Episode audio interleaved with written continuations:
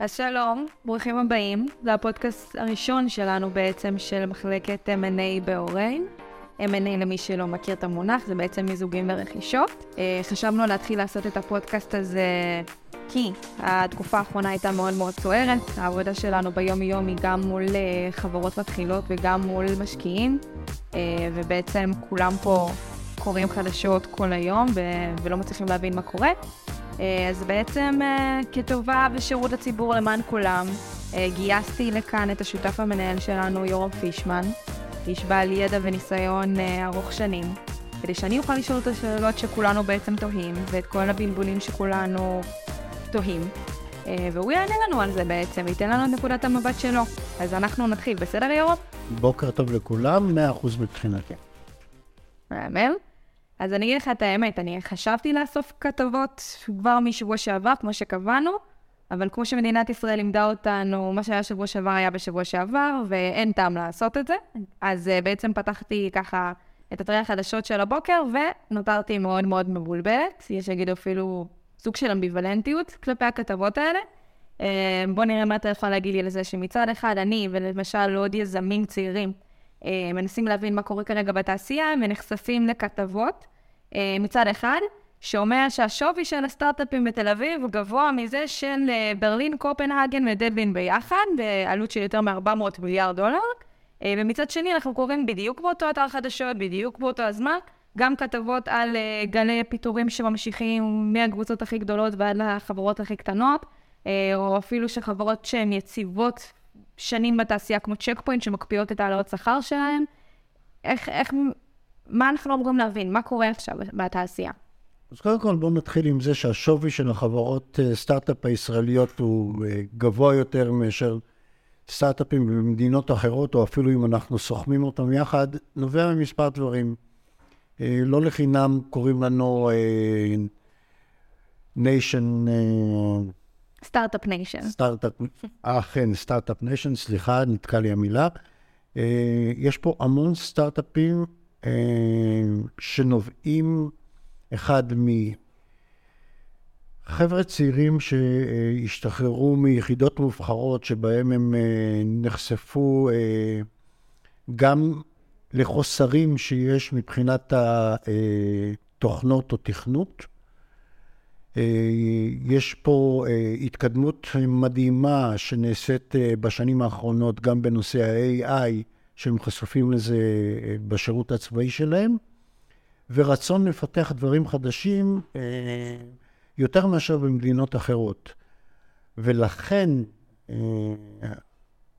אם נסתכל על תמונת הסטארט-אפים העולמית, ישראל מובילה בחדשנות שלה, ולכן הערכים הם יותר גבוהים, כי ממש, כמו שאת אמרת, הסתכלתי בבוקר לראות את החדשות של היום, הם רואים כל הזמן מול העיניים שלהם את החדשות הכי חדשות.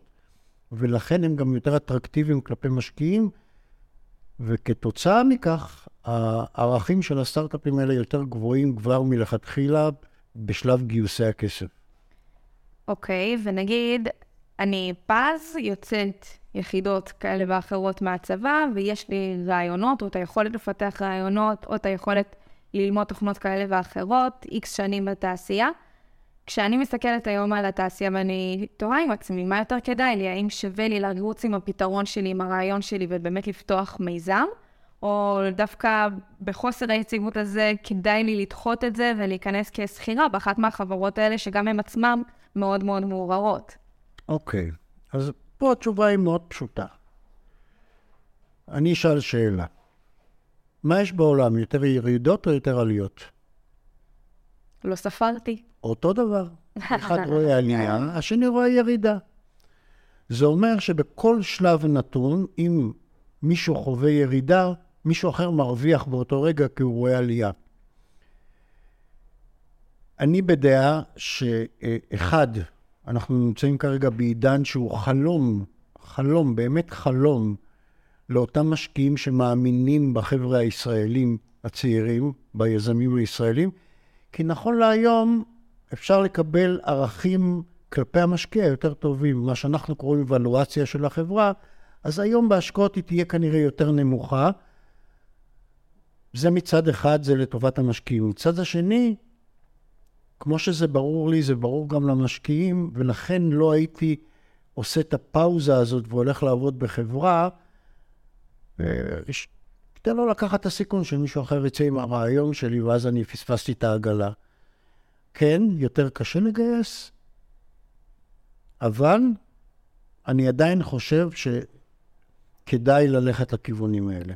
אתה בעצם אומר שלא רק יותר קשה לגייס, אתה אומר, וגם אם אתה מצליח לגייס, החוזה או ההסכם שאתה תגיע אליו למול משקיעים פוטנציאליים, לפני שנה, קח שנה אחורה, אי אפשר בכלל היה להשוות את שני ההסכמים שהיית מוציא שנה אחת אחורה. עכשיו אומר... אני אשאל שאלה בעקבות זה נוספת. אוקיי.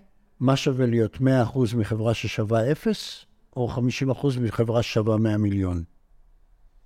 וזה מה שצריך לשאול כל יזם צעיר את עצמו. נכון, זו תקופה קשה, אבל התקופה קשה היא לא רק בישראל. נכון, אנחנו חווים בישראל, בנוסף למשבר העולמי, גם כרגע אי הסכמות בנוגע לכל מה שקורה עם הממשלה, עם הרפורמה או הפיכה, תלוי מי אומר את זה, אה, ועם אה, שר אוצר חסר ניסיון לצערי, לצערי הרב אני אומר את זה, אבל עדיין כדאי וראוי אה, להמשיך עם העשייה, ההשקעות לא יברחו. אז אולי נקבל פחות כסף, אבל עדיין נצא עם המיזם ועם החלום שלנו. לפעמים, לא הכסף הוא זה שמוביל את היזם, אלא החלום להגשים אותו. ואני לא בעד uh, לדחות חלומות.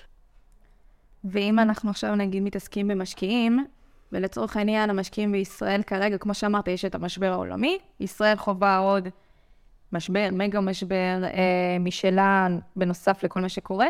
אה, לצורך העניין, יזמים אולי רוצים לפנות לכספים מחו"ל, משקיעים מחו"ל, זה לא משהו שאם אנחנו נצא את הגלגל, אם אנחנו נציע אותו, זה משהו שקרה בעולם. איך יזם יכול להסביר את מה שקורה כרגע בישראל ולנסות, אני לא אפילו אגיד להסביר אותו מלשון הסברה, אלא אפילו אולי להגיד, זו התקופה שדווקא הכי כדאי לכם להשקיע בנו עכשיו. אחד, כשמשקיע משקיע, הוא משקיע ביזם ובמיזם. ואם משקיע מחליט שמשהו נורא מוצא חן בעיניו, אז אפשר לפתוח את החברה בחו"ל מראש. לא קרה כלום. זה יצריך יותר אה, אולי תכנוני מס כאלה ואחרים. מבחינת המשקיע, בגלל המצב כרגע בארץ, אז הוא ירגיש שהכסף שלו יותר בטוח.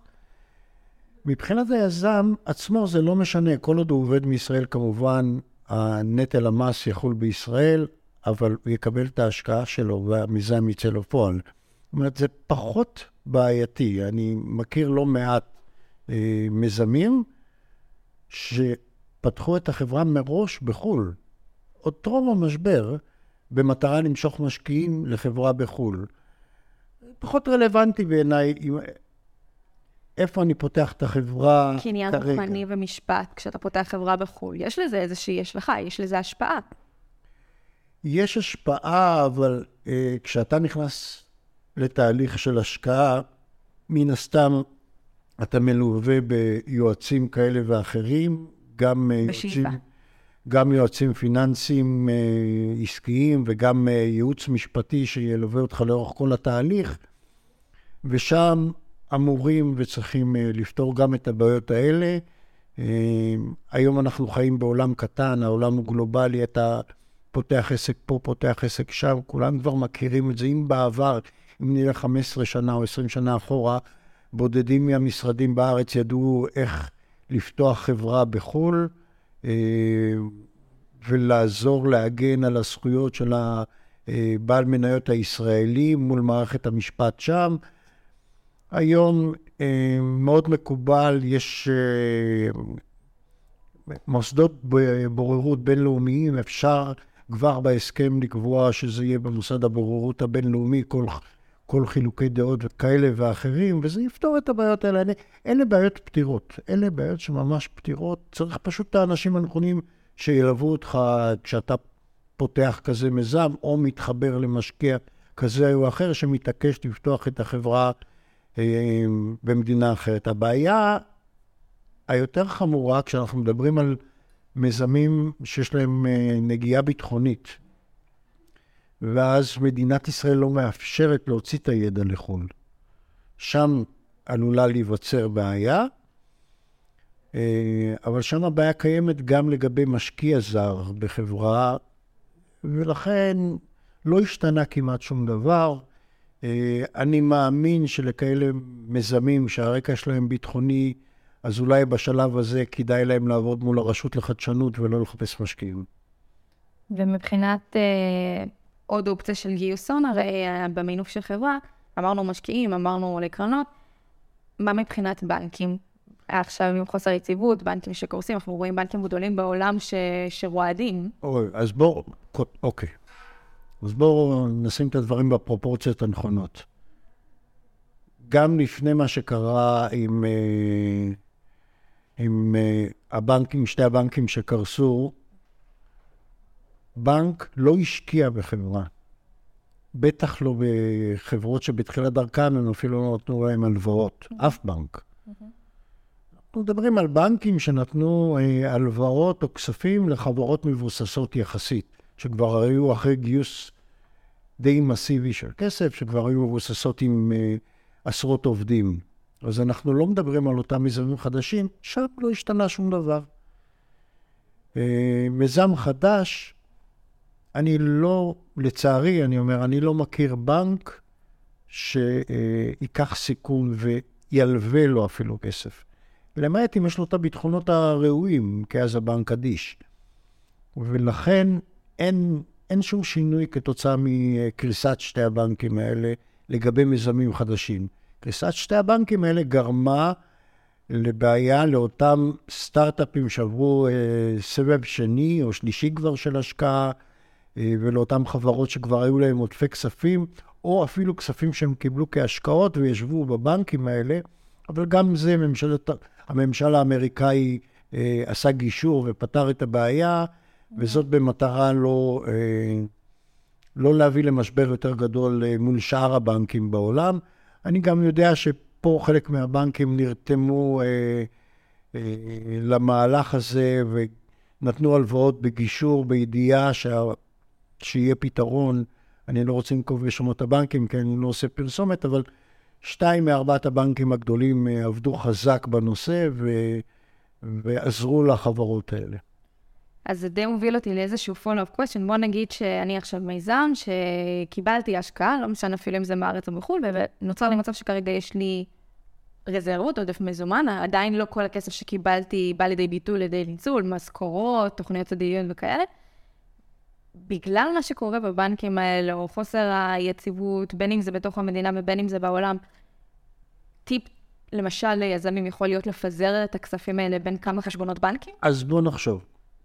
כל חברה שיש בה עודפי מזומנים שמיועדים לשימוש בטווחים כאלה או אחרים, צריכה לעשות את ניהול הסיכונים שלה. אה, חלק מהבנקים אה, שדובר עליהם, מלכתחילה היו בנקים מאוד נישתיים. אה, בנק אחד שהתעסק בקריפטו בעיקר, והבנק השני שהתעסק רק עם חברות הייטק. זאת אומרת, הוא לא היה בנק מסחרי רגיל. כשאני מסתכל בחשיבה עסקית רגילה, כשאני מדבר עם כל בעל עסק, אז כמו שאנחנו הולכים לחפש אה, דברים יציבים בעסק שלנו קדימה, אז כן, אולי הייתי הולך אה, לפיזור הכסף, פיזור, לא הייתי קורא לזה פיזור, אלא לחלוקת הכסף. אה, גם בבנקים מסחריים מאוד יציבים, יכול להיות שהריביות שאני אקבל לא יהיו כאלה אטרקטיביות, אבל הם ישמרו לפחות על ערך הכסף, אה, וזו הדרך שבה הייתי נוהג. זה עונה על השאלה.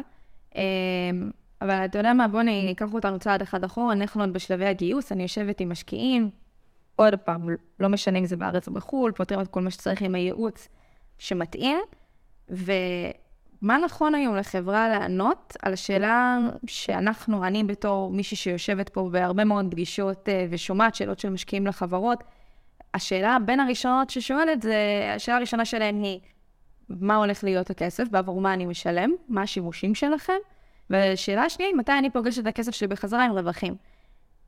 מה נכון היום לחברה לתכנן ולהציג בכזו, בכזו שאלה מה יהיה מענה נבון להגיד בתוך המצב הזה עכשיו? אוקיי, אז קודם כל זה תלוי משקיע. יש משקיעים שקונים את החלום, ואז צריך להציג להם את החלום. אני מדגיש חלום ולא פנטזיה. אף אחד לא יקנה פנטזיה. ויש משקיעים שהם הרבה יותר סולידיים, והם רוצים לראות כאן ועכשיו. אלה המשקיעים היותר קשים. הם פחות מתאימים למה שאנחנו קוראים כמו הקרנות הון סיכון, שלוקחות סיכון כלשהו. אלה משקיעים יותר סולידיים. משקיעים כאלה ירצו לראות כבר פעילות בדרך כלל, או חוזה מכירה כאלה ואחרים, או חוזה שירות שכבר קיימים. אה, ולכן זה תלוי, אחד, המצב בו נמצא המיזם, והדבר השני, תלוי מול מי אני יושב. ואיך אני יודעת להגיד מול מי אני יושבת? זאת אומרת, אני ניגשת אליכם פעם ראשונה שאנחנו נפגשים בעצם. לא. כש... איך אני יודעת? כשה... כשה...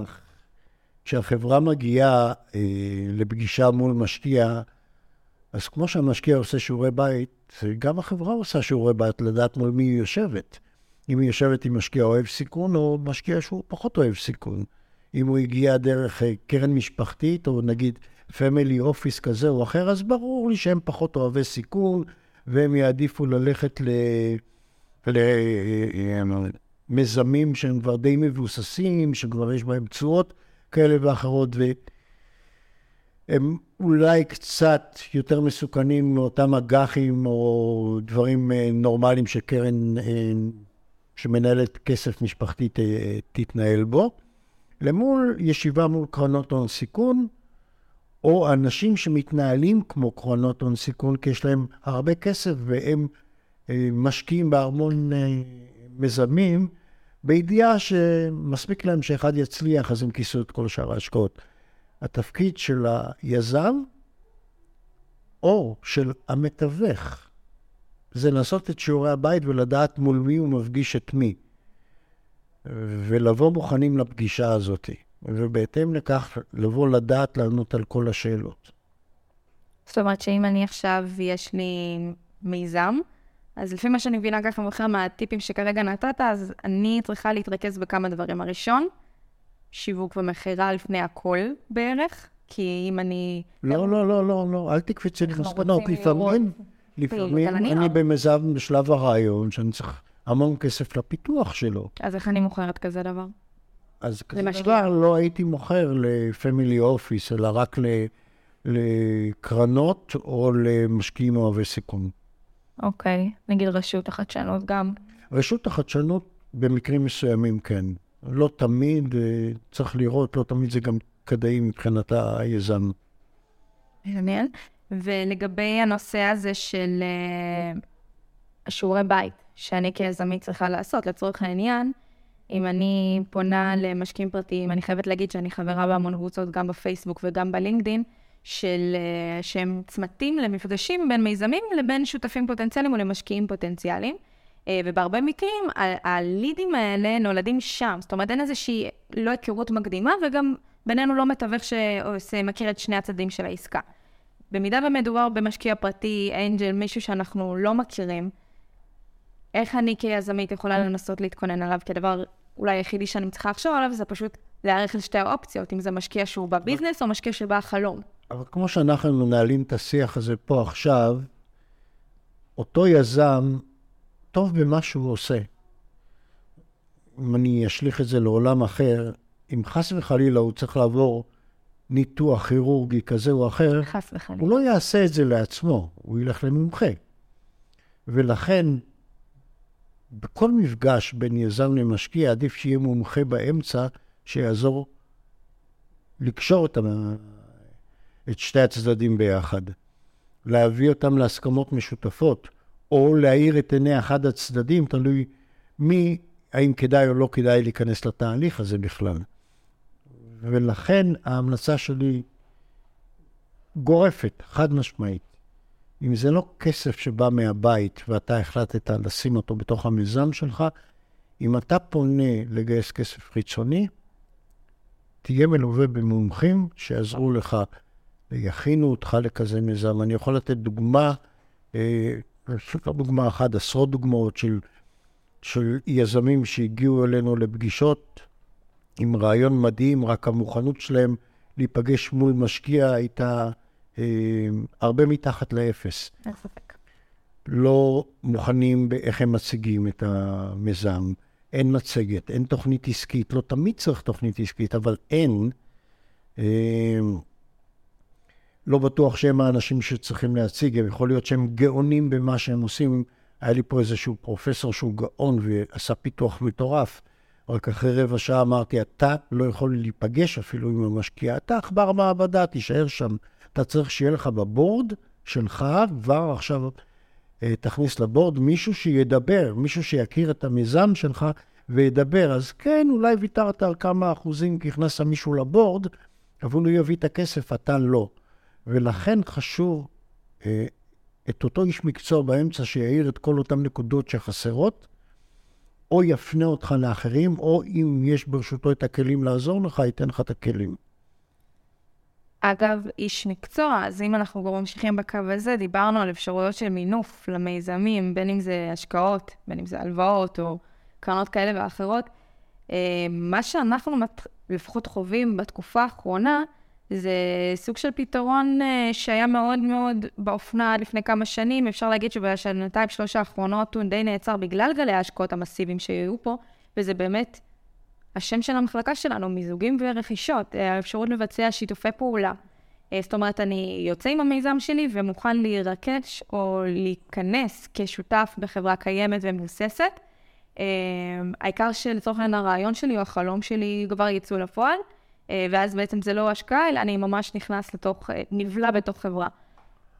זה פתרון שאתה רואה שהוא יכול לחזור לתקופת הזהב שלו? קודם כל בוא נשים מול הפנים של כולם מיזוגים, ופה לא מדובר במיזוג, אני רק מעיר הערה, מיזוגים בעולם, אם נסתכל סטטיסטית, נועדו לכישלון מלכתחילה. יש 85% מהמיזוגים שנעשו בעולם נכשלו. אז אה, כשאנחנו מסתכלים על מיזוג, יש הבדל לתרבויות וכדומה. בדרך כלל מיזוגים זה בין חברות כבר קיימות. ואז צריך לראות מה היתרון או החיסרון, וראינו בעבר חברה, ואני לא אנקוב עוד פעם בשמות, שהייתה בעולמה מספר 4 או 5, ובעודפי מזומנים שלה רכשה את חברה מספר 6 או 7, אה, וכתוצאה מהמיזוג נותרה ללא עודפי מזומנים, ומשבר כזה או אחר שקרה בעולם גרם לה להיקלע לסחרור כזה מטורף, שהיא הועמדה למכירה בשוק, כי לא הייתה ברירה, ונקנתה כממוזגת בנזיד עדשים. לאחת מהשתיים הגדולות. אה, אז במיזוגים זה עולם אחד. כשאנחנו מדברים על... אה, שיתופי פעולה? על סטארט-אפים, בואו נשים את זה על השולחן, על סטארט-אפים בראשית דרכם, אז כן, אני רואה אה, כר נרחב לאפשרויות להיכנס כחלק מתוך חברה קיימת במקום השקעה. כי אז יש לך את הכר הבטוח של כסף לא חסר, אני אמשיך לפתח. אה, אני כבר בעולם של הגדולים, אני נמצא תחת חברה. אה, כן, זה לא החלום אולי שאני אעשה את האקזיט שלי בעוד איקס שנים, אה, כי אני חלק מחברה גדולה, אבל זה, זה להשלים לפחות חצי מהחלום, בואו נקרא לזה ככה. ואני מכיר לא מעט סטארט-אפים שלא בחרו בדרך הזאת ומצטערים מאוד שהם לא הלכו, כי היו הזדמנויות כאלה והם לא הלכו בדרך הזאת. אז כן, חזרנו קצת לעולמות של בואו ניכנס לתוך חברה גדולה עם המיזם שלנו. אני חושב שזה לא רע בשלב בו אנחנו נמצאים כרגע בכלכלה העולמית. לא רע בכלל. אז אם אני מנסה ככה לנסות... אה... סוג של לסכם את מה שאנחנו כרגע דיברנו עליו ב-X זמן שדיברנו. אה, אז אם אני יזמית מתחילה, שחיה את התקשורת וחיה את מה שקורה גם בארץ וגם בעולם, ולא כל כך מבינה אם אנחנו במצב טוב, אם אנחנו במצב רע, זה גם משתנה, כבר הלוואי והיינו אומרים חדשות לבקרים, אנחנו כבר רואים את זה ברמה ה... מדקה לדקה, זה דברים משתנים פה ומתהפכים פה. אה, אז קודם כל, עומק הצרה הוא עדיין לא משהו שאנחנו אומרים, אנחנו במשבר שאי אפשר לקום ממנו, אנחנו, הבועה התפוצצה, או אנחנו כרגע בקרייסס ובואו נתכנס כולנו, אתה בא ואומר בעצם, יש משהו שקורה כאן כרגע בעולם, לא אומר שנגמרו הפתרונות, הם פשוט השתנו כרגע, או שאנחנו צריכים להיות יותר אדפטיביים למציאות הקיימת, אבל המציאות כן מאפשרת לנו להמשיך להתקיים וכן uh, לצאת לקראת הגשמה של החזון שלנו. כן, מישהו הזיז את הגבינה שלנו, חד משמעית, הגבינה שלנו זזה, ואתה מסתכל על זה, ולא בטוח שכל היזמים יודעים להתנהל מול הזזת הגבינה, ולכן חשוב להיות מלווים על ידי מישהו שקורא את השוק, שזה תפקידו, ולנסות לתווך את הפתרון הנכון למיזם הנכון. כמו שאמרתי, זה יכול להיות בין גיוס השקעה כזו או אחרת, או מקרן, או מאדם פרטי, או מאנג'ל, או מפמילי אופיס, או מקרן לחדשנות וכדומה, ולפעמים, כמו שגם ציינת בשאלה הקודמת שלך, להתמזג לתוך חברה קיימת, כי זה נכון לאותו רגע יותר, יותר ראוי ובר סיכויי הצלחה מאשר כל דבר אחר. טוב, אפשר להגיד שאני נכנסתי לשיחה הזאת, הרבה יותר אה, פסימית ואני יוצאת מ... קצת יותר אופטימית כרגע. אה, פשוט התקופה האחרונה הייתה כל כך אה, ירידות נורא חדות לעומת עליות נורא מתונות, אז אני חוזרת לחיית השיחה. מספר הירידות ומספר העליות הם שווים במספרים שלהם. לפעמים זה מרגיש שהירידות הרבה יותר קשות עליות, אבל טוב לדעת שבעצם יש אפשרויות ויש פתרונות, ואנשים לא צריכים לוותר על החזון שלהם, ופשוט אה, להגיד, הגשמת החזון שלי אה, שווה את המחיר כי אני לא היחידי שכנראה חושב ורואה בעיה מסוימת שיש צורך שצריך לפתור, והאדפטיביות שבה אני אכנס אליו שווה את המחיר הזה של ההגשמה שלו, לעומת ישבתי על הגדר, חיכיתי שהסערה תחלוף, ובזמן הזה אנשים עם קצת יותר אומץ, או אפילו יצירתיות, או פתיחות מחשבתית, כן היו עושים. אז טוב לדעת שיש אפשרויות, טוב לדעת שיש להם לפנות ומה לעשות. אה, זה היו השאלות שלי להיום, תודה רבה לך, יורם. קודם כל, אין, אין בעד מה, באמת בכיף. אני רק תמיד מזכיר לכולם, אין בעולם שחור ולבן, יש גוונים של אפור. וצריך למצוא את הגוון הנכון של האפור בשלב הזה, שיהיה המשך יום נפלא לכולם.